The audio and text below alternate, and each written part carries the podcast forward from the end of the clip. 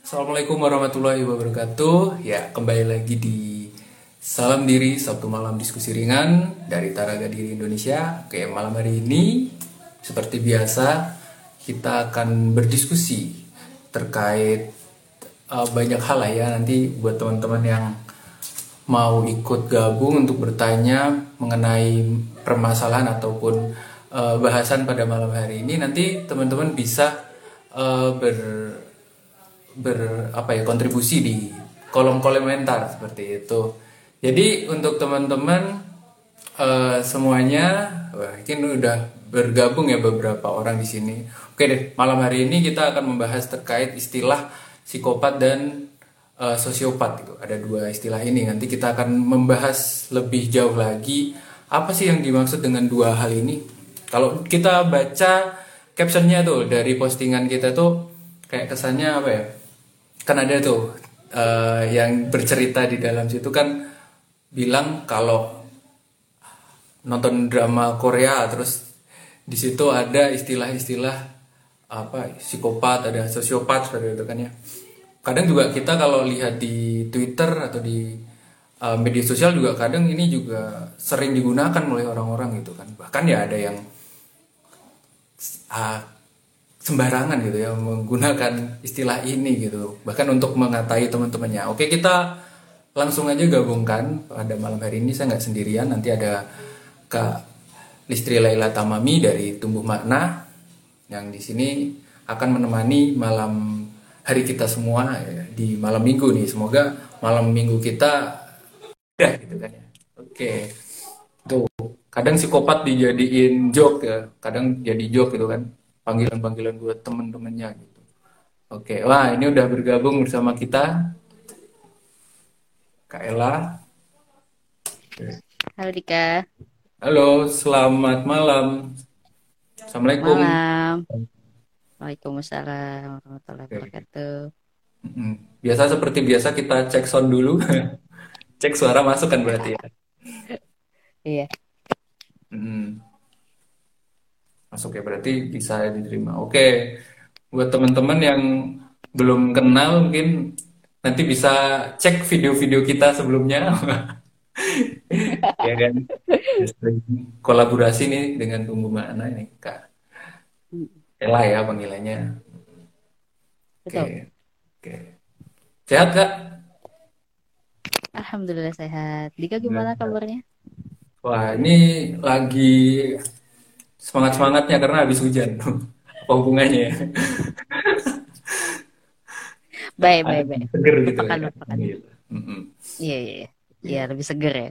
Iya. Itu sih. Hmm kita mungkin nanti ini ya uh, akan bahas beberapa hal gitu. Mungkin nanti agak merembet juga kan karena namanya tadi kan istilah sos, apa psikopat sama sosiopat tuh mesti ada hubungannya sama uh, istilah-istilah lain juga gitu kan. Mungkin uh, sebelumnya ini kan kalau lihat di caption tuh itu kan juga sebenarnya berangkat dari fenomena juga gitu penggunaan istilah ini agaknya apa ya kadang uh, sembarangan gitu atau uh, tidak hati-hati gitu. Mungkin bisa yeah, di yeah, yeah. Apa ya mungkin sebagai pembuka lah dari Kaela uh, sebenarnya dua istilah ini ini apa sih gitu pengantar dulu lah. Hmm, Oke, okay. um, sebelum ke psikopat sama sosiopat hmm. kita berangkat dulu dari namanya gangguan kepribadian. Hmm. Kenapa harus belajar tentang gangguan kepribadian gitu? Karena maksudnya harus tahu tentang gangguan kepribadian ya nggak harus tahu-tahu banget sih.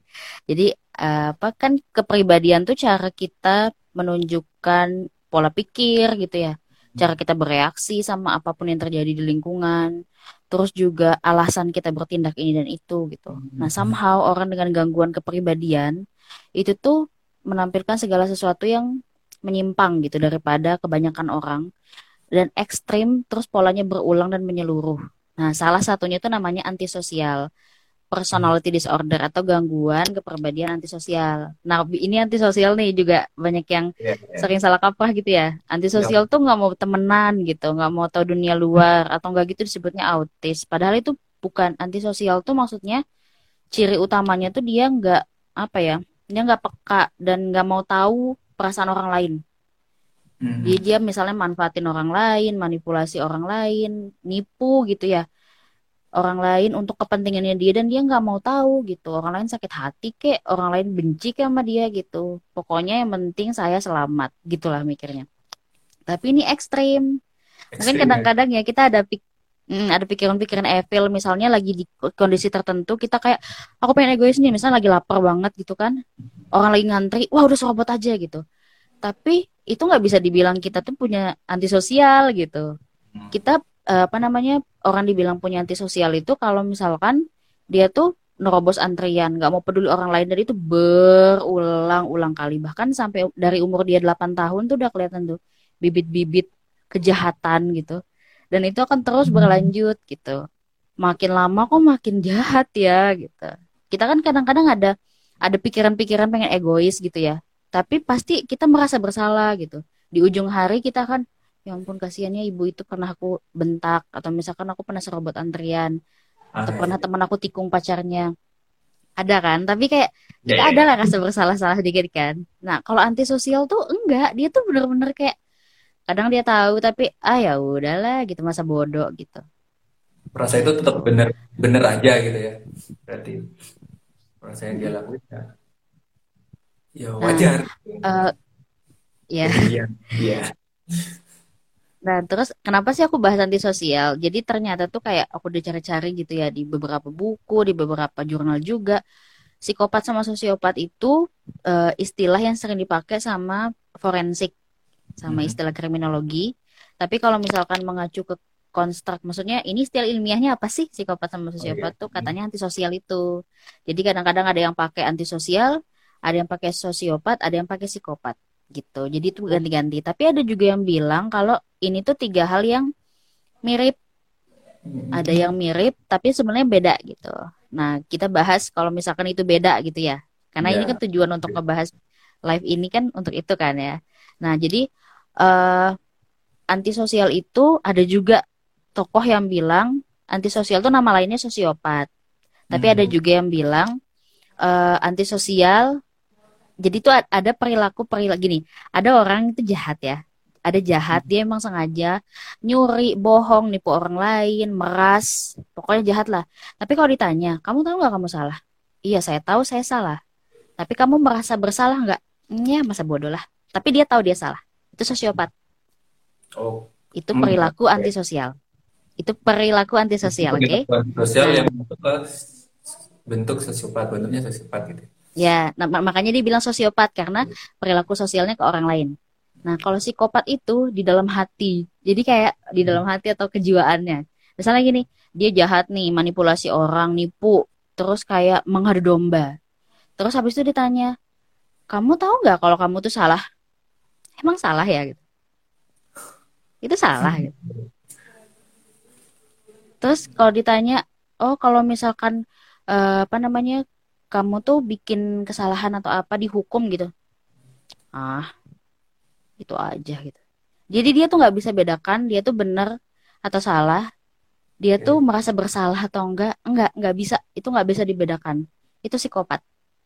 Hmm. jadi dibilangnya tuh kalau si kalau sosiopat itu mungkin apa ya perasaan atau jiwanya itu masih terselamatkan tapi perilakunya emang evil banget gitu ya.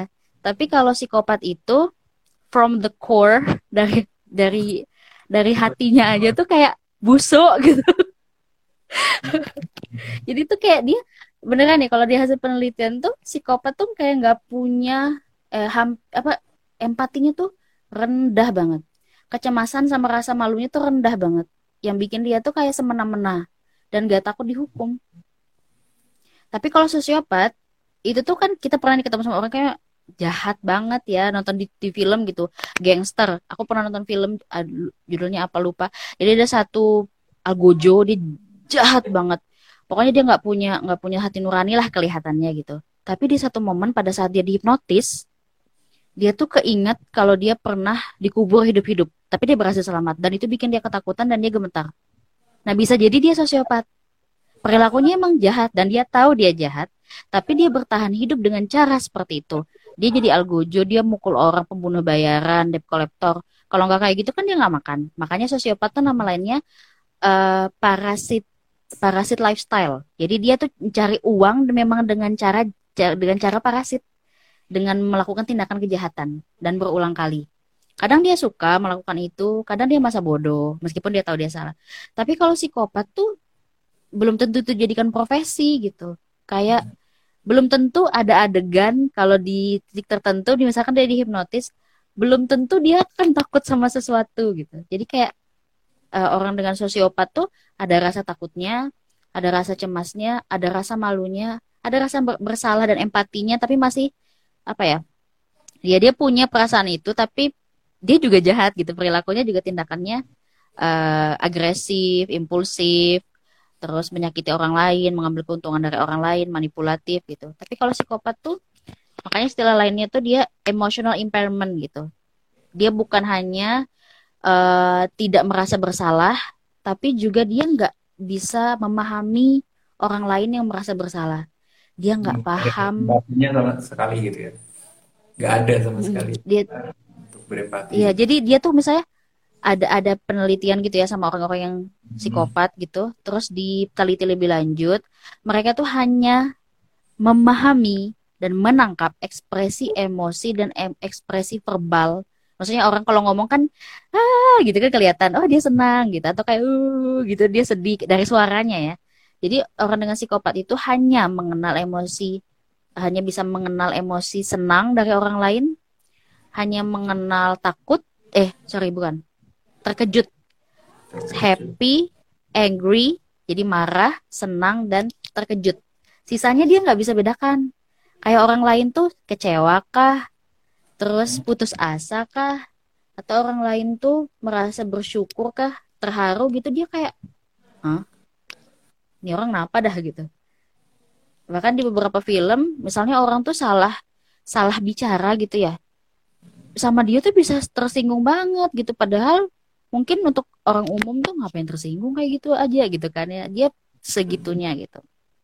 Nah terus perbedaan lainnya juga uh, even though dua-duanya sama-sama impulsif ya tapi mm-hmm. psikopat tuh somehow lebih terencana gitu. Dia nggak akan membalas sama babi buta terus dia juga akan memukul dengan keras gitu ya. Berarti psikopat nggak tahu sedih juga. Dia dia bisa sedih tapi kayak uh, menangkap ekspresi orang oh ini orang lagi sedih ya. Itu susah gitu susah banget. Tuh. Nah terus kayak saya tadi uh, apa tadi aku sampai mana sih cerita sebelum bahas ini? Tadi uh, terkait uh, keduanya mudah impulsif tapi oh iya impulsif iya ya tapi itu somehow orang dengan psikopat itu dia lebih merencanakan sesuatu dengan sangat matang dan rapi. Makanya kalau di literatur yang dulu-dulu aku baca itu tuh kadang-kadang dia memang harus tinggi intelijensinya. Kayak standar IQ-nya tuh harus di atas 125, di atas 130 gitu. Iya. Karena kalau di bawah itu dia tidak cukup bisa membuat rencana yang rapi.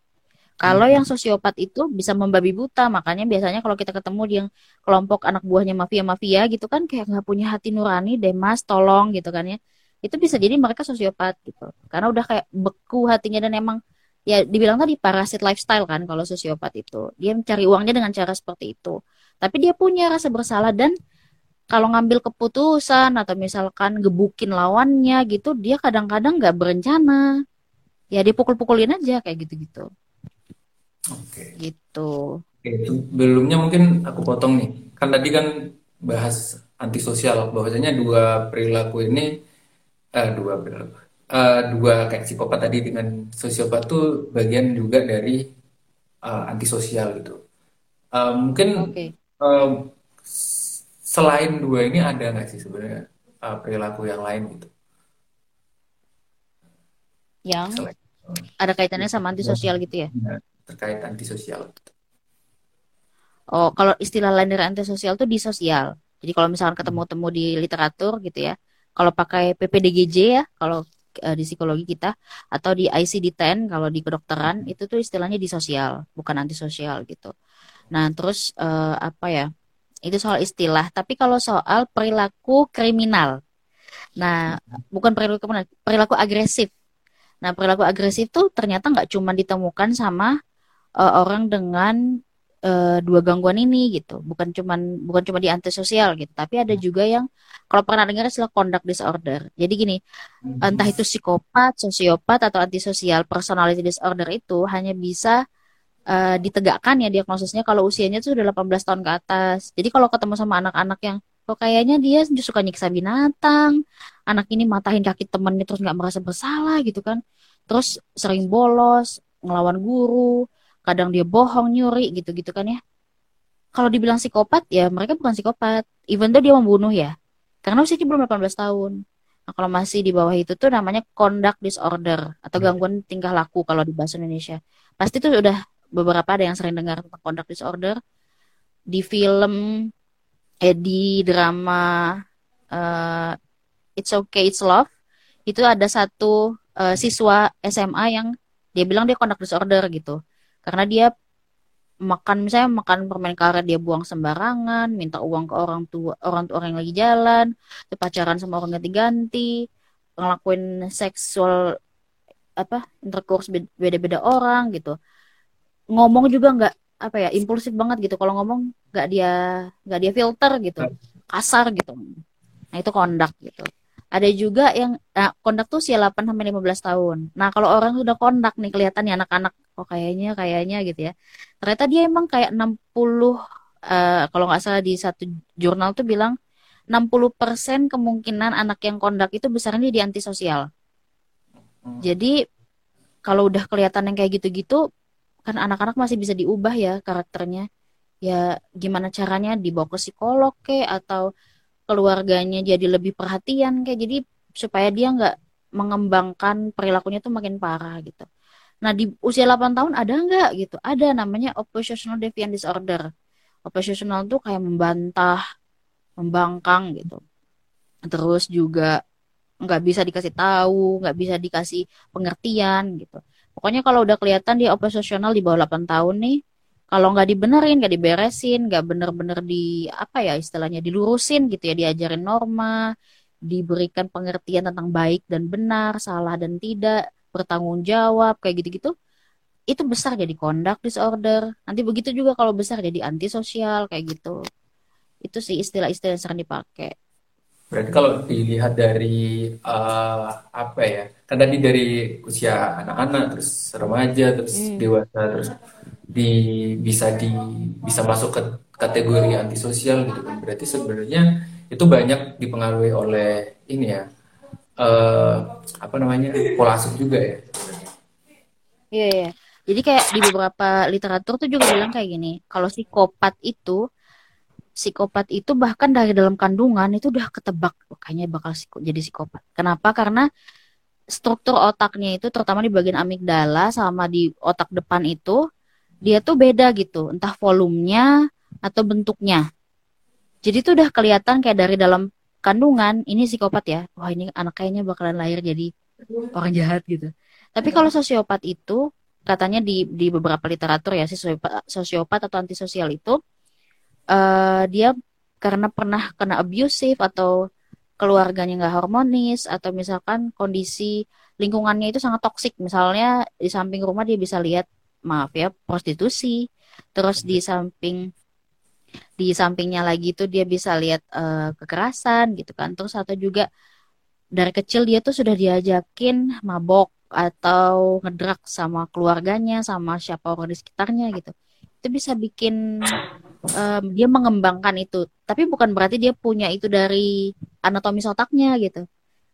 Dia terbentuk kepribadian itu gangguan kepribadian itu karena faktor lingkungan kayak kata Dika tadi gitu karena itu juga itu juga bedanya sih kayak uh, sosiopat itu dia bukan bawaan dari gangguan di kepala kalau psikopat tuh memang di kepalanya tuh bermasalah di gangguannya ada gangguan strukturalnya Hmm, ya, ya, ya, ya. Menarik. Berarti munculnya pun itu ya bisa dari ya tadi ya dua hal tersebut ya bisa sosial dan juga sebenarnya dari ada gangguan di otak gitu kan ya. Oke. Iya, iya, benar. Ya, ya. Hmm. Oke, kalau tadi kan yang disebut bahwasanya uh, sosiopat tuh juga apa sih kayak kayak hidup parasit gitu kan ya. Kalau kita tuh lihat kan ada ada istilah juga nih yang biasanya berkeliaran juga di media sosial tuh kan ada no lab gitu kan. no lab gak sih? No life, no life. Oh iya iya. Iya. No life. Uh. Iya, yang dia dalam tanda kutip biasanya kan ada ada beberapa perilaku yang dia mengurung diri gitu kan, yang mengurung diri terus dia ngegame doang gitu kan. Terus ada yang bahkan uh, pada suatu masyarakat tuh yang uh, tingkat perilaku semacam ini tuh banyak banget gitu kan, yang sampai itu menjadi perhatian bagi uh, masyarakat tersebut gitu, bagi pemerintah lah, pemerintah dari negara tersebut gitu kan. Kalau hal semacam itu itu juga termasuk dalam uh, antisosial atau malah psikopat gitu kan kan kebanyakan hal semacam itu pun bisa uh, arahnya dia nggak mau kasarnya ya kayak nggak mau kerja sampai dia nggak peduli sama keluarganya sampai nggak peduli sama dunia luar gitu. Hmm. Hmm, itu butuh apa ya maksudnya dia harus di di asesmen gitu ini sebenarnya kenapa gitu hmm. tapi aku juga ikut forum kayak di grup-grup sosmed gitu kan yang cerita-cerita tentang mereka yang ngaku nolep gitu kan terus kayak hmm. ngobrol emang lu ngapain sih gitu di situ hmm. di kamar gitu. Ya mereka ngelakuin itu mungkin karena ini apa kecemasan sosial gitu. Terus juga berulang kali di abuse gitu.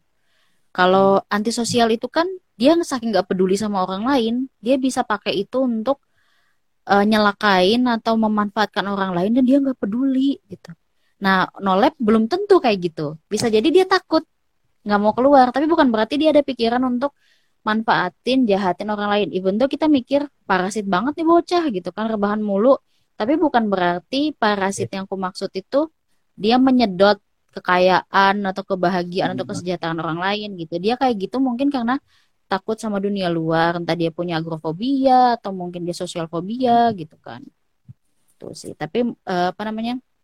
yang kunci dari sosial tuh memang deceitful gitu ada perasaan nggak mm, peduli sama orang lain dan emang pengen manfaatin orang lain gitu. Makanya dibilang parasit itu. Oh gitu ya. Berarti ya memang itu ya. Uh, apa ya kasarannya? Kayak indikatornya ya pada kan di rasa empati dan rasa bersalah tadi ya. Lebih di situ ya iya, berarti. oke. Okay. Tapi kan tadi uh, kalau hal semacam itu kan tadi disebutkan juga kalau psikopat bisa karena ada sesuatu yang kelainan di otak gitu. Nah kalau hal-hal semacam ini berarti ada kaitannya dong dengan uh, respon tubuh ataupun apa ya hormonal gitu ya. Apakah hal semacam ini bisa muncul tiba-tiba? Mungkin contoh apa ya kan tadi kalau kalau diceritakan kan ada prosesnya juga mungkin dari kecil gitu kan atau uh, dengan proses yang dari ke, apa anak-anak terus remaja terus nanti dewasa seperti itu nah kalau seandainya ada nggak sih orang yang mungkin perilaku semacam ini tiba-tiba muncul gitu? oh oke okay. Hmm. Bagus nih pertanyaannya. Karena biasanya kelihatan ciri khasnya di, di usia 8 tahun gitu ya udah kelihatan banget nih um, apakah tiba-tiba dia bisa muncul jadi sangat jahat gitu ya? Uh, di literatur saya belum nemuin kayak mungkin saya kurang baca gitu ya.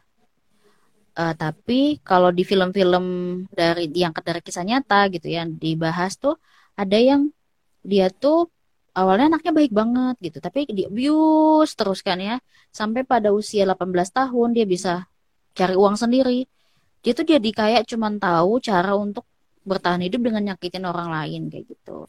Nah makanya itu di hmm. beberapa literatur tuh sebutnya sosiopat. Gitu. Dia ngelakuin itu karena faktor lingkungan bukan berarti itu dari kecil ada kayak gitu. Nah hmm. cuman maksudnya itu kan di film ya dan penjelasannya juga saya belum temukan gitu. Tapi kalau misalkan apakah dengan di kepala terus di otak terus nanti uh, apa namanya mempengaruhi hormon atau tindak perilakunya yang jelas tuh karena gangguan di otaknya itu di bagian depan itu kan yang mempengaruhi orang dalam mengambil keputusan, mm-hmm. dalam menyusun rencana. Terus juga itu tuh berkaitan sama impulsivitasnya dia dalam melakukan agresi ke orang lain kayak gitu. Terus juga uh, otak depan itu uh, bikin dia judgmental apakah ini benar, apakah ini salah kayak gitu. Nah, sebetulnya uh, kalau psikopat ya kayak udah baca beberapa beberapa buku nih gitu selalu endingnya tuh kayak gini uh, to be honest gitu ya mohon maaf sekali psikopat tuh nggak ada obatnya gitu. Kayak orangnya tuh nggak akan pernah bisa disembuhkan. Kayak gitu. Psikopat ya. Kalau antisosial personality disorder yang lain mungkin uh, nama lainnya sosiopat atau misalnya tadi uh, apa sih namanya conduct disorder. Maksudnya dia masih kecil gitu ya. Dan itu bukan gangguan di kepala loh. Maksudnya disebabkan karena mungkin faktor riwayat abusive atau lingkungan yang toksik sekali gitu dan dia tuh kalau masih kecil itu masih bisa di shaping perilakunya. Kayak misalkan diajarin benar dan salah. Dan ini juga sih yang menarik banget. Dan saya pernah dengar kayak di Jepang itu ada pelaku kejahatan yang dulu tuh dia waktu kecil memang suka kejam sama binatang sama hewan gitu. Dari kecil dia emang dari dalam kandungan pun dia sudah tidak diinginkan kelahirannya pas dia lahir dia tuh disabilitas di tangannya gitu kan terus bikin dia jadi bully. Tapi dia emang udah kelihatan kayak uh, suka melakukan tindakan pencuri terus membunuh hewan kayak gitu-gitu. Tapi dia tuh masih disayang sama kakeknya. Meskipun orang tuanya nggak nggak gitu sayang sama dia tapi pada saat dia punya kakeknya dia tuh nggak dia cuma jahat sama hewan. Tapi nggak tiap hari gitu di waktu-waktu tertentu. Dia masih berusaha berteman begitu kakaknya meninggal dia tuh tiba-tiba jadi jahat banget ditambah dengan dia nonton film porno. Dan film pornonya tuh tentang anak-anak dia ngelakuin kejahatan itu berulang kali ke banyak anak gitu. Dia membunuh melecehkan anak-anak dan memutilasi. Nah itu tuh uh, berarti kan dengan cerita itu gitu ya uh, ini sebenarnya psikopat pun dengan gangguan apa pun yang ada di otaknya gitu. Kalau misalkan dari awal dia diberikan banyak cinta, perhatian, terus juga diajarkan tentang tanggung jawab, diajarkan tentang sensitivitas. Kita bisa kalau ngajarin anak kita tuh cara berempati, cara peka, cara hati-hati gitu ya, supaya nggak nyakitin orang lain gitu. Itu paling tidak, kalaupun dia punya perasaan agresi gitu ya, dia nggak sampai jahatin orang lain. Ya cuma ada di pikiran kepalanya aja isi otaknya tuh devil kayak gitu. Tapi nggak nggak sampai dia lampiaskan kayak gitu. Dan dan jangan salah Dika. Maksudnya psikopat tuh tidak melulu melakukan tindakan kriminal loh yeah, ataupun yeah. tindakan kriminal belum tentu kekerasan gitu. Jadi kayak ada juga yang uh, nama tokohnya itu Madoff. Bernard Madoff, Bernie Madoff. Jadi dia itu uh, pemodal investor. Dia itu uh, pokoknya dari hasil tes lah gitu. Dia psikopat tapi dia itu uh, apa ya mencuri uang mencuri uang nasabahnya gitu banyak banget. Sampai akhirnya dia dapat hukuman seumur hidup atau hukuman mati gitu karena banyak banget yang dia curi. Artinya kan dia nggak lakukan kekerasan kan? Terus ada juga yang uh, apa namanya dia tuh nggak nggak yang sampai ngelakukan tindakan kekerasan tapi emang sengaja kayak mematikan karakter orang lain. Terus membuat rencana gimana caranya supaya orang itu tuh dibenci sama satu kantor. Temennya maksudnya atau membuat saingan politiknya tuh mati. Kalau pernah nonton Hunger Games ya? Iya iya Presiden Snow itu kayak gitu. Dia mungkin nggak bunuh pakai tangannya. Ya dia memang membunuh tapi nggak yang kita lihat dia serial killer terus mutilasi kayak gitu nggak. Uh. tapi dia tuh mengadu domba. Setiap dia dia mengadu domba setiap orang yang ada di situ sehingga mereka saling benci saling bunuh. Habis itu dia semakin kaya dia semakin naik jabatannya gitu. Kayak gitu. Jadi bukan bukan bukan berarti dia harus melakukan tindakan kekerasan gitu. Dan juga bukan bukan tindakan kriminal. Mengadu domba orang lain kan kayak gimana gitu? Emang ada buktinya kalau mau ditindak pidanakan? Oke. Okay. ya gitu. tangannya tetap bersih gitu kan caranya Iya, dan dia having fun dengan itu gitu. I mean sebenarnya perilaku psikopat pun even di, ada masalah di otak itu bisa dikurangin. Jangan sampai dia sejahat itu gitu. Bisa dikurangin lah gitu berarti di situ sebenarnya ada pemahaman seandainya ya nih. Kan contoh nih kita tahu nih uh, ada sesuatu yang salah gitu kan. Contoh A ini salah perilaku A ini salah perilaku B ini salah gitu. Terus kita melakukan kayak tadi ya uh, kayak Presiden Snow itu dia dia nggak mau melakukan ini kan itu salah. Berarti dia terus akhirnya nyuruh orang lain itu berarti juga itu adalah tindak uh, bisa dikatakan itu juga psikopat juga gitu dan dia akan membenarkan kalau berulang Oh. Iya. Tapi nggak tahu ya, maksudnya berulang, apakah memenuhi kriteria yang lain? Maksudnya kita nggak bisa diagnos diagnostikan. Karena kayak perilaku yang kayak manipulatif, terus ngadu domba, dia nggak mau bikin kejahatan, tapi dia pengen orang lain kotor tuh juga bisa jadi gangguan yang lain. Okay. Tidak tidak selalu antisosial. Makanya hmm. emang harus lama gitu. Ininya maksudnya uh, apa di di di asesmennya tuh juga harus hati-hati. Dan ini contoh sosiopat yang bener-bener kayak uh, ini banget. Sebentar namanya tuh Andres Andres apa ya namanya? Jadi dia tuh seorang teroris yang pokoknya pengen uh, menegakkan negara sosialis. Terus okay. dia tuh dari Norwegia. Dia dari Nor Nor Norwegia dan dia ngebunuh 77 orang. Aduh saya lupa nama belakangnya apa. Andres apa ya nah dia tuh kayak ini sosiopat itu kan punya belief mm-hmm. punya yeah. kepercayaan benar dan salah dia punya empati tapi tuh dia kejam gitu kan nah si Andres ini uh, apa namanya kalau ditanya kenapa kamu jadi teroris yang ngebunuh 77 orang karena saya punya visi untuk um, kudeta negara gitu supaya uh, paham yang saya percaya itu bisa uh, ada pengikutnya gitu dan saya tunjukkan dengan cara seperti itu makanya orang tuh juga menuduh Adolf Hitler tuh sosiopat gitu dia mungkin nggak bunuh dengan tangannya secara dingin. Dan dia punya tujuan dan alasan. Yang itu masuk akal buat orang. Tapi cara untuk mewujudkan visinya itu salah. Karena mengorbankan banyak nyawa tak bersalah kan. Nah itu tuh contoh sosiopat. Dia punya dia punya tujuan, dia punya visi, dia punya moral, dia punya uh, benar dan salah, tapi jahat gitu cara cara eksekusinya tuh juga melanggar hak dan norma orang lain kayak gitu. Nah, psikopat tuh mungkin ngelakuin itu just for fun gitu. Kayak misalkan Joker gitu kan. Kamu ngapain bunuh orang? I don't know. I'm just with no plan gitu. Iya. Yeah. I'm doing yeah. that for having fun gitu kan. Yeah. Berarti kalau kayak gini serem juga ya. Apalagi dengan dunia yang sekarang media sosialnya uh, banyak gitu kan ya berkeliaran gitu kan kita bisa komen setiap orang gitu kan kita bisa uh, judging mungkin atau uh, mengomentari gitu kan ya setiap perilaku orang yang ditunjukkan di medianya gitu. Berarti itu kan bisa kasarnya ya memudahkan praktek para sosiopat ini gitu. Ya misalnya dia punya hati hmm. yang kayak uh sengaja pengen menghancurkan pengen. karakter orang gitu kan. Dia bisa ngelakuin itu dengan uh, ketikannya kayak gitu atau mungkin mengapa ya menghasut kayak gitu itu bisa sih nggak harus satu orang yang dia targetkan dalam dunia nyata di dalam uh, sosial media juga bisa tapi bukan berarti orang-orang yang melakukan apa ya ngetik atau bikin komen yang kasar itu bukan berarti dia psikopat sosiopat atau antisosial ya. Bisa jadi ya emang karena nggak suka aja terus dia pengen kritik kayak gitu. Nggak bisa diinikan juga gitu. Nggak bisa digeneralisir. melalui harus didiagnosa dulu ya berarti ya untuk hal-hal semacam ini. Benar benar.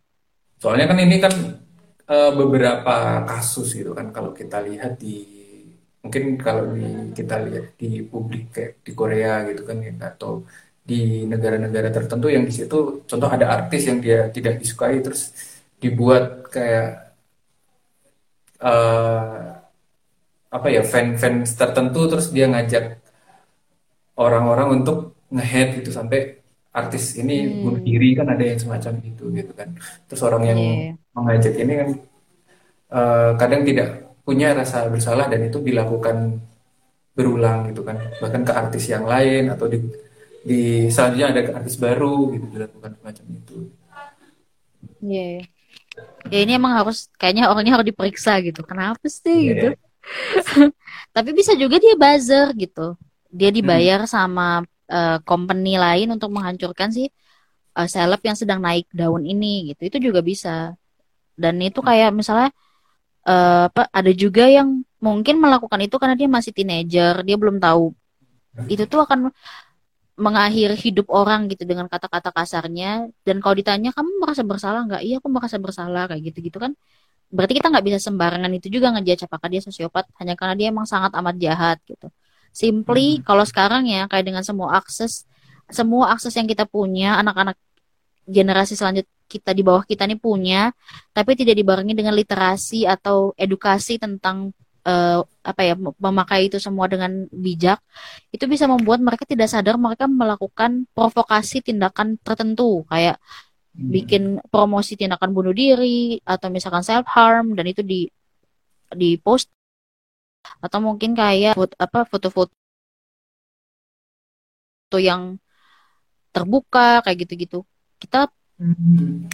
uh, apa namanya ini sekalian juga kayak semua semua mau bilang dia antisosial ataupun dia nggak ngerti atau apa kita emang harus tahu dulu kenapa penyebabnya gitu.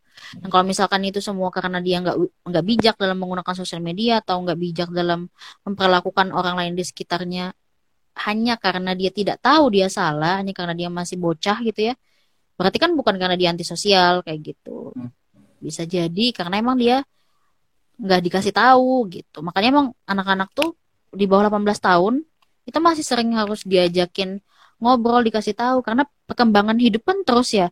Di, diajarin gitu kayak eh boleh loh kita tuh buka ini tapi nggak boleh kalau buka situs ini misalnya. Atau hmm. mungkin uh, apa namanya kamu belum bisa nonton film yang se se seperti ini misalnya. Kayak gitu-gitu dan edukasi nggak harus melulu yang formal gitu. Kasih tahu pas eh jangan nonton sinetron deh gitu. Nonton ini aja. Kan kamu hmm. nanti malah cepet cinta-cintaan kayak gitu-gitu kan ke anak lima tahun misalnya. Oke, berarti sebenarnya ya untuk kita mencegah itu ya memang harus uh, apa ya bersama pertama terus juga dari keluarga dari masyarakat itu juga harus bisa mencegah hal tersebut itu bisa muncul ya berarti ya.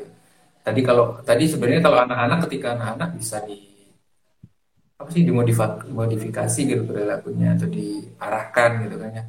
Terus juga apa tadi kalau disebutkan juga sebenarnya eh, bahkan dari remaja pun juga masih bisa gitu diarahkan mana yang seharusnya diperbolehkan dan mana yang belum saatnya di bisa dilakukan seperti itu ya. Berarti ya tadi ya kembali kepada masyarakat dan keluarganya sebenarnya. Atau ada cara lain untuk mencegah perilaku ini selain tadi?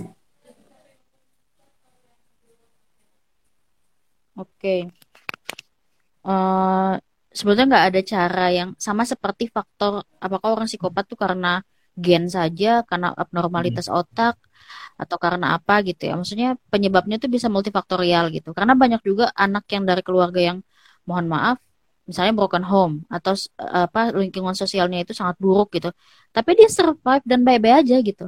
Tapi ada juga yang dari keluarga yang sangat baik sangat agamis tapi kok dia jahat gitu. Tuh ada hmm. gitu.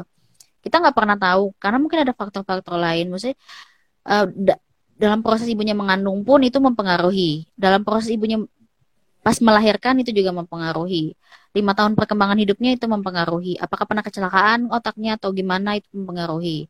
Terus juga bagaimana orang tuanya dan juga lingkungan sekitarnya mendidik dia itu juga mempengaruhi gitu. Apakah dia dibully atau enggak itu juga mempengaruhi. Nah, cuman yang pasti yang bisa kita lakukan untuk pencegahan gitu ya. Udah tahu nih infonya kayak gini yang bisa kita sharekan ke orang tua dengan anak gitu ya. Uh, apa penting banget untuk menunjukkan bukan hanya cinta, tapi penerimaan kita support banyak hal yang dia suka kasih dia stimulasi uh, apa dia main ini main itu olahraga ini olahraga itu berteman dengan siapa pun. Dia pemalu kita ajakin berteman gitu. Uh, apa bikin dia jadi punya teman gitu. Itu disiapkan semua. Jadi kita tunjukkan cinta dan penerimaan. Dan itu di, di harus ditingkatkan kayak gitu. Terus juga uh, mengajarkan untuk bertanggung jawab. Hmm. Yeah. Terus iya. juga mengajarkan semua itu ada konsekuensinya dan kamu harus uh, apa namanya? harus mengerti bahwa kita tuh hidup gak cuma untuk diri kita sendiri gitu. Ada orang lain yang hmm. menanggung konsekuensi itu. Jadi uh, kalau kamu jahat atau kamu ngapa-ngapain, ya mungkin bukan kamu yang kena, tapi orang lain yang haknya kamu rebut itu juga diajarkan dan diberitahu gitu. Kayak misalkan contoh nih, uh, ada anak yang suka marah gitu kan. Terus nanti ayahnya mungkin nggak nggak langsung marah. Ini kisah yang pernah saya dengar gitu kan ya. Tiap kali dia marah ayahnya suruh dia paku uh, paku pagar. Jadi dia masang paku terus dia palu gitu di pagar. Jadi tuh udah penuh tuh satu pagar itu pagar kayu tuh udah banyak banget nih pakunya. Terus setiap kali dia mau marah, ayahnya suruh, eh setiap kali dia merasa bersalah kalau dia marah, ayahnya suruh cabut paku itu dengan segala macam caranya lah. Kan sulit ya, pakunya udah tertanam dengan emosi itu, terus gimana cara mau dicabut gitu. Tapi akhirnya anak itu bisa nyabutnya. Jadi setiap kali dia merasa bersalah, setelah marah dicabut semua. Lama-kelamaan anak itu udah mulai turun emosinya. Terus nanti ayahnya bilang, gimana? Susah nggak nyabut iya lebih susah nyabutnya daripada makunya gitu. Terus habis itu uh, apa ayahnya bilang tuh lihat kamu udah cabut kan pakunya dengan susah payah? Iya ya sudah gitu. Tapi si bekas pakunya masih ada nggak di pagernya? Iya masih ada. Nah kayak gitu. Even though kamu udah sesulit itu minta maaf rasa sakit hati orang tuh masih berbekas. Nah contohnya kayak gitu loh. Obrolan-obrolan yang mungkin nggak ngobrol ya itu berarti an anaknya disuruh action gitu ya. Nah hmm. itu uh, apa namanya yang bisa kita ajarkan. Mungkin anak itu mungkin punya perasaan apa anger manajemennya buruk lah atau mungkin ada ada bibit-bibit dia conduct disorder gitu kan. Tapi at least orang tuanya udah ngasih tahu dengan cara seperti itu. Dan minimal kalaupun ya kalaupun moralnya tidak menyelamatkan dia minimal logikanya lah. Iya yeah, yeah. Iya kan? Okay, okay. karena dia ingat oh ini nggak boleh nanti ini kalaupun kalaupun dia nggak mikir nanti melukai hati orang lain karena dia nggak punya itu. Misalnya dia tumbuh sebagai orang antisosial. Minimal dia akan berpikir nanti kalau orang ini marah sama saya saya nggak bisa porotin dia lagi gitu. Atau saya nggak bisa kerja sama menghasilkan duit sama dia. Itu kan pakai logika kan? Bukan pakai perasaan kan? Bukan pakai norma gitu. Jadi uh, apa namanya? Uh, in many possible ways orang tua lakukan itu gitu. Terus ini dia yang paling penting pastikan anak-anak tuh jangan akses pornografi. Even though udah di atas 18 tahun, kalau bisa janganlah. Pornografi itu merusak. Kalau kata Ted Bundy seorang serial killer yang sangat terkenal dan psikopat sejati gitu ya dia hmm. bilang semua tanyakan semua orang yang psikopat di dunia ini tanya siapa yang nggak pernah nonton pornografi. Semua pernah. Jadi mungkin ada bibit-bibit itu waktu kecil ditambah dengan dia nonton pornografi itu merusak otaknya sedari dini dan memperparah pikiran-pikiran jahat itu untuk jadi beneran dia lakukan.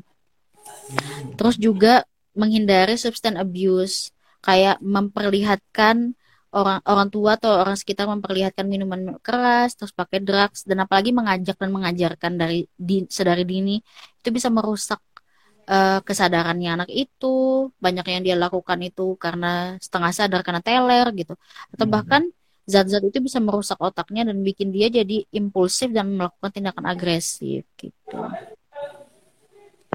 hmm. itu sih itu ya oke berarti itu sebenarnya ya secara gak langsung sebenarnya ketika kita melihat tadi ya ada ciri-cirinya dari kedua perilaku ini ya ada baiknya kita bisa pertama ya diagnosa ya terkait hal seperti ini ke yang ahli gitu kan ya untuk yang betul. Uh, yang bisa yang memahami betul terkait permasalahan ini terus juga ketika itu juga ada baiknya dilakukan pencegahan juga di lingkungan di masyarakat terus juga tadi ketika itu pun sudah terjadi gitu ya salah satunya tadi terkait antisosial gitu ya itu juga harus bisa mendapatkan penanganan yang tepat gitu kan untuk orang-orang ini gitu kan.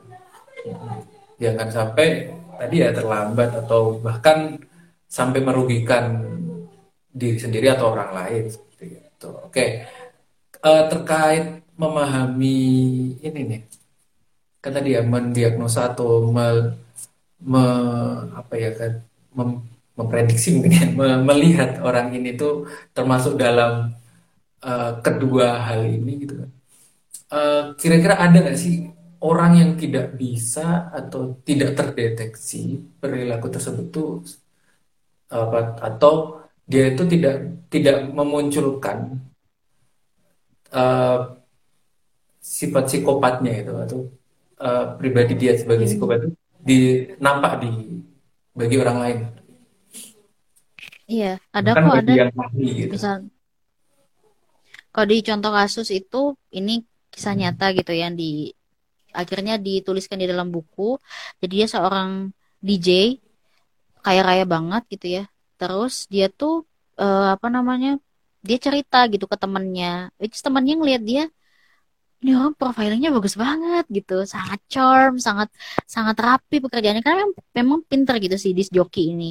Terus ditanya si DJ ini kayak uh, pas mereka makan berdua terus si DJ-nya tuh cerita kayak uh, apa uh, coba deh lihat waitress itu gitu. Cantik kan? gitu. Aku mau kasih tahu kamu ya kalau misalkan kita tuh bisa loh ngerjain orang. Lihat aja dia pasti tunduk sama kita gitu. Dia panggil waitressnya baik banget gimana mbak? Oh iya gitu. Tuh dikasih tip lebih.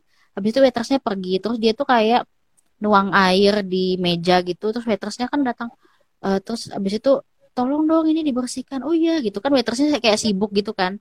Terus sama dia tuh ditumpahin apa lagi ditumpahin apa lagi. Tapi waitressnya nggak sadar gitu. Pokoknya dia kerjain lah waitressnya tuh sampai nunduk-nunduk gitu berkali-kali ngebersihin meja itu. Setelah pergi itu dia bilang gini sama temennya gimana seru kan? gitu kita bisa loh bikin orang nunduk depan kita berulang kali kayak gitu. Dan itu nggak kelihatan gitu. Maksudnya dia ngelakuin itu kan kayak nggak ya nggak kelihatan. Dia dia ngelakuin itu having fun tapi orang lain yang lihat masalah ya gitu. Buat waitress itu bahkan nggak tahu kalau disakitin. Maksudnya disakitin tuh ya dipermalukan dibikin nunduk berulang kali sampai dia harus ngebersihin sepatunya si DJ itu gitu. Terus si DJ itu juga bilang kayak gini, kemarin tuh temanku meninggal gitu, dia sakit. Semua orang tuh ngedoain dia karena dia orangnya baik gitu. Tapi kok aku ngerasa ya udahlah dia mati mati aja gitu. Dia ngomong kayak gitu kan. Terus habis itu si DJ-nya bilang, terus aku pikir-pikir juga kalau misalkan ibu, bapak dan adikku mati, kayaknya aku nggak ngerasa bersalah deh. Eh kayaknya aku nggak nggak ngerasa kehilangan gitu kayaknya aku bisa lah hidup sendiri gitu jadi ya sebenarnya mereka nggak penting-penting banget gitu. Nah artinya kan dia punya perasaan nggak ngerasa kehilangan nggak ngerasain cinta nggak ngerasa memiliki nggak merasa bersalah nggak empatik kayak gitu ya. Tapi nggak dia tunjukkan dengan perilaku yang jahat yang orang lain sampai sadar dijahatin kan. Yang lakuinnya cuma buat senang-senang aja gitu. Ya ya ya, ya. Dan kayak gitu kan kita nggak bisa ngelaporin ke polisi kan. Emang dia lakukan tindakan kejahatan apa? Dia cuma bermain-main kecil yang menurut dia itu seru aja ngerjain orang gitu. Seru juga sih kayak gitu ya. Iya. Oke. Oke, kalau kalau hal semacam itu uh, ini agak agak sorry ya. Nggak tahu ya Kak agak macet-macet ya Kak ya. Sinyalnya. Di sini sih. Halo? Halo, halo.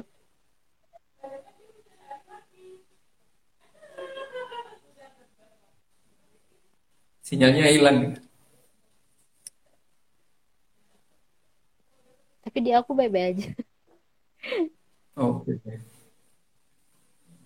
Mungkin kalau hal yang semacam tadi ya yang diceritakan oleh Kak Ella tadi, itu sebenarnya ketika contoh ya nih ada uh, sosiopat ataupun psikopat tadi ketika dijelaskan uh, terkait hal-hal semacam ini bahwasanya perilaku itu salah perilaku ini apakah mereka akan terus menyadari gitu? Bahwasanya wah kayaknya aku uh, berarti aku nih harus berubah aku tidak apa ya tidak seharusnya aku menjadi orang yang semacam ini gitu. Apakah dia akan akan mampu untuk melakukan hal semacam itu atau harus perlu proses yang panjang gitu Hmm, kalau dia sosiopat gitu ya, yang aku bilang dia tahu dia salah, maksudnya secara otaknya nggak ada masalah dengan memahami empat, ya memahami salah dan benar gitu ya. Kalau dikasih tahu kamu salah gitu, iya aku tahu aku salah, tapi kamu merasa bersalah nggak? Ya masa bodoh lah gitu, apalagi mau berubah gitu ya. Kecuali memang dari kecil atau mungkin ada kejadian yang sangat parah yang bikin dia tuh berpikir untuk bertaubat, dia bisa taubat, dia bisa benar, dia bisa sembuh udah nggak kayak gitu lagi. Saat dia residivis bolak-balik ke penjara udah jahat udah nggak karu-karuan. Ada satu kejadian yang bikin dia merasa akhirnya menyentuh rasa bersalahnya. Tuh dia pengen tobat dan berubah dia bisa berubah. Tapi saya meragukan itu akan terjadi ke orang dengan psikopat. Terutama kalau misalkan dia emang dari kecil udah udah ada bakat kayak gitu terus juga keluarganya nggak suportif terus dia juga nggak didik dengan cara yang baik gitu ya Nah, kalau yang saya ceritakan tadi seorang disjoki itu masalahnya gini Dika, kalau yang di sosiopat itu dia tahu orang lain tuh sakit hati, dia tahu orang lain terluka, dia tahu orang lain itu menderita, oh, gitu ya. tapi dia tetap ngelakuin itu gitu. Tapi kalau psikopat itu dia nggak, kadang-kadang dia nggak tahu, emang itu masalah ya? Kan saya cuma bersenang-senang. Waitress itu kan cuma melakukan tugasnya. Kayak gitu, jadi iya, kayak iya. kamu mau benerin kayak, eh kamu salah loh gini gini gini, kamu tuh nggak dia sakit hati? Dia tuh nggak ngerti kalau orang tuh sakit hati. Dia nggak ngerti kalau orang tuh tertindas gitu. Buat dia itu seru aja dilakukan. Hmm, ya ya ya berarti intensitas juga ya. Berarti ini bisa dideteksi dari intensitasnya juga ya. Hmm, kedua hmm, orang. perilaku ini. Hmm. oke ya. Oke ini kak. Uh, ternyata uh, masih ada beberapa waktu lagi. Di sini masih ada waktu lima menit mungkin. Uh, dari Kak Ella bisa menyampaikan gitu kan. Uh, apa ya? Apa sih yang perlu kita lakukan gitu kan? Apabila kita pertama yang ketika kita menemukan uh, apa ya orang ataupun uh, yang kita awalnya kita anggap itu seperti itu gitu. Apa yang seharusnya kita lakukan terus juga bagaimana cara kita bersikap terhadap dua istilah ini seperti itu. Biar tidak asal-asalan mungkin digunakan atau malah bisa apa ya mensugesti gitu atau semacamnya gitu atau menguatkan orang lain buat dirinya. Psikopat gitu. Oke, kalau misalnya ketemu sama orang yang model kayak gini, terutama kalau kita tahu ya, Ih, kayaknya dia jahat gitu. Kayaknya dia ngomong di depanku begini tapi kok aku lihat kelakuannya nggak kayak gitu? Jauhin aja lah hmm. gitu. jauhin aja lah orang kayak gitu karena asli dia tuh cuma manfaatin kamu aja gitu. Ya parasit gitu. Mau sosiopat mau psikopat gitu ya. Kalau kita nggak bisa kayak kita tahu bahwa wah energi kita akan tersedot parah sama orang ini tapi dia nggak lakuin tindakan kejahatan apa pun yang bikin kita bisa lapor dia ke polisi. Tapi dia emang manipulatif gitu. Dia emang mengadu domba hmm. provokasi dan lain sebagainya. Gak usah ditemenin aja gitu karena dia juga nggak nggak nganggap kamu temen gitu. Kalaupun ada di relasi gitu ya bisa kan dia pasangan kita gitu percaya deh kamu bukan satu-satunya. Karena dia nggak peduli. Dia nggak peduli hmm. Kalau misalkan kamu tersakiti atau enggak atau mungkin kalau dia psikopat dia nggak tahu kamu tersakiti atau enggak. Maksudnya dia tahu dia kamu misalkan dia tahu kamu tersakiti terus kenapa gitu. Dia nggak ngerasa itu salah gitu kan ya. Nah jadi kalau bisa dihindarin dihindarin aja. Karena bisa jadi kamu diperas lah dipermainkan dimanfaatin sama dia gitu. Ya, dan mereka sangat charm mereka sangat mempesona yang bikin kita tuh jadi kayak pasti aku bisa ngubah orang ini nggak ada orang lain yang bisa terima dia selain aku. Buang jauh-jauh dari pikiran itu. Karena mereka nggak akan bisa nah. berubah. Gitu ya. Apalagi kalau kita udah lihat berulang kali ya dia ngelakuin itu. Kecuali emang kita nggak tahu itu beda beda cerita. Terus kalau misalkan dia nggak mau dikasih tahu kayak eh kamu salah lo nyakitin. Mungkin dia pura-pura merasa bersalah tapi dia ngulangin lagi. Atau mungkin dia emang sesimpel kayak ah masa sih itu masalah? Kayak gitu kalau misalkan dia nggak mau diajakin ke psikolog nggak mau diajakin untuk berobat gitu ya ya udah gitu. Dan kalau misalkan kita tahu dia melakukan tindakan hmm, kriminal ya laporkan gitu. Tapi kalau dia belum melakukan tindakan kriminal kita nasihatin nggak bisa kita ajak ke jalan yang benar dia juga nggak berubah kita ajak ke psikolog dia nggak mau ya udah tinggalin gak usah berurusan sama orang kayak gitu. Kalau nggak kita bakal diperes dimainin gitu.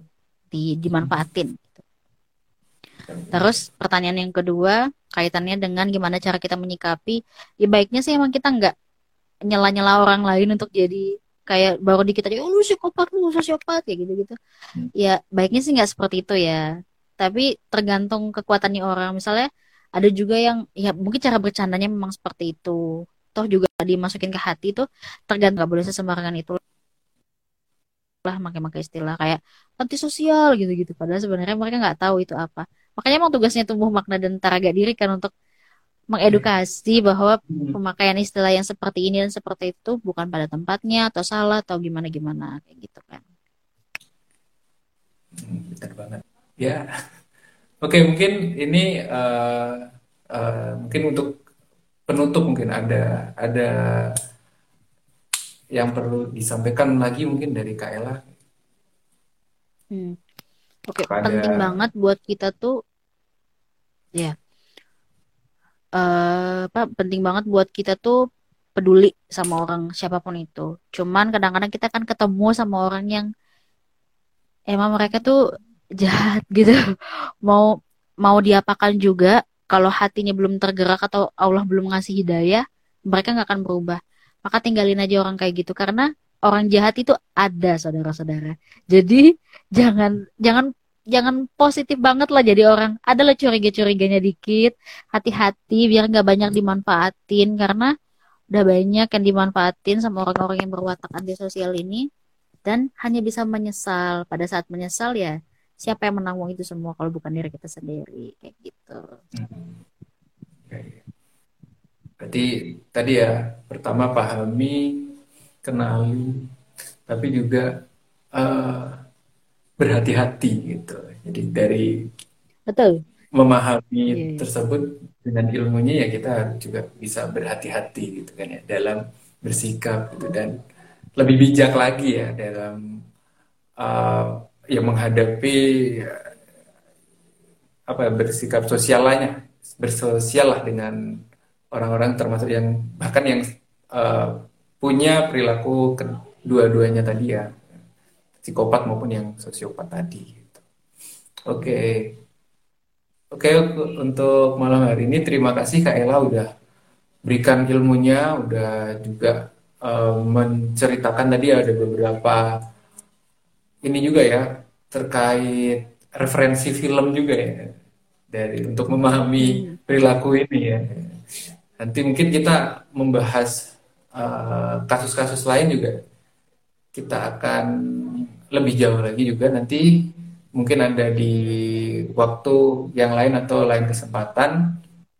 Oke, terima kasih untuk semuanya. Uh, sekali lagi terima kasih Kak Ella untuk uh, ilmunya dan malam hari ini atas waktunya dan terima kasih untuk semua rekan-rekan dan teman-teman atau sahabat Taraga Diri dan sahabat Tumbuh Makna karena sudah uh, menyaksikan pada siaran malam hari ini. Semoga ilmunya bisa bermanfaat dan lebih apa ya nanti berkah ya buat kita semuanya. Hmm. Mungkin itu aja dari kita berdua dari Teraga Diri dan Tumbuh Makna. Oke, kita akhiri ya Kak Ella ya. Ya. Oke, ya. Assalamualaikum warahmatullahi wabarakatuh. Ya. Waalaikumsalam.